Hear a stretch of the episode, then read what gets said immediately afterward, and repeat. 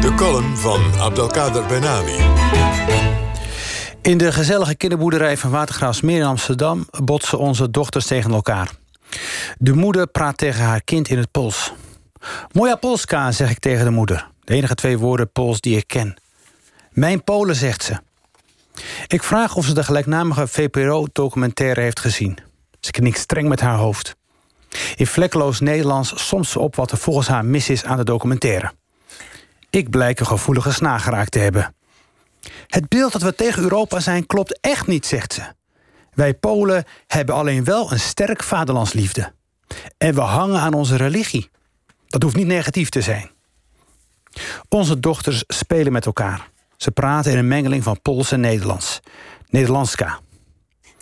Ik vertel haar dat ik een keer in Polen ben geweest. In Wroclaw. Haar ogen lichten op.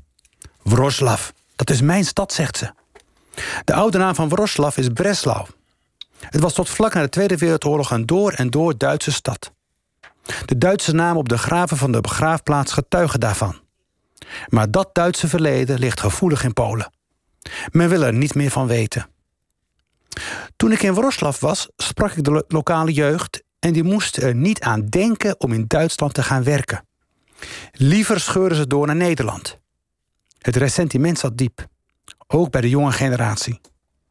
Geen land in Europa dat zo verscheurd is door buitenlandse mogendheden als Polen. De Poolse moeder ondertussen geeft me een turboles Duitse bemoeienis met Polen in de 20e eeuw. Het kan toch niet dat de Duitsers nog altijd praten over Poolse concentratiekampen? Die concentratiekampen waren niet van ons. Dat hebben de Duitsers gedaan. Ze heft haar armen de hemel in. Ik kijk naar de geiten.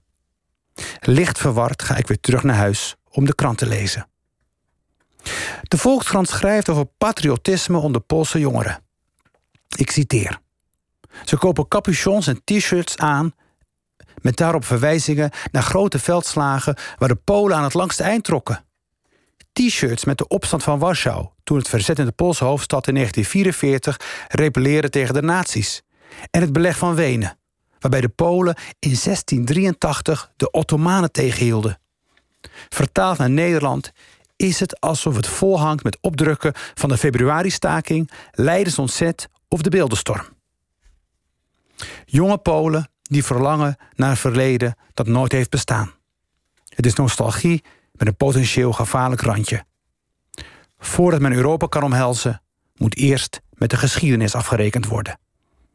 Aanstaande donderdag zijn de Europese verkiezingen. Ik ben heel erg benieuwd naar wat de Poolse moeder zal stemmen. Ja, Abdel, dankjewel. Uh, wij, wij ook. Hoe het gaat aflopen met het ja. probleem speelt niet alleen in Polen, maar bijvoorbeeld ook in Hongarije. Dus uh, is nog wel wat huiswerk te doen in die landen, zeggen wij heel brutaal.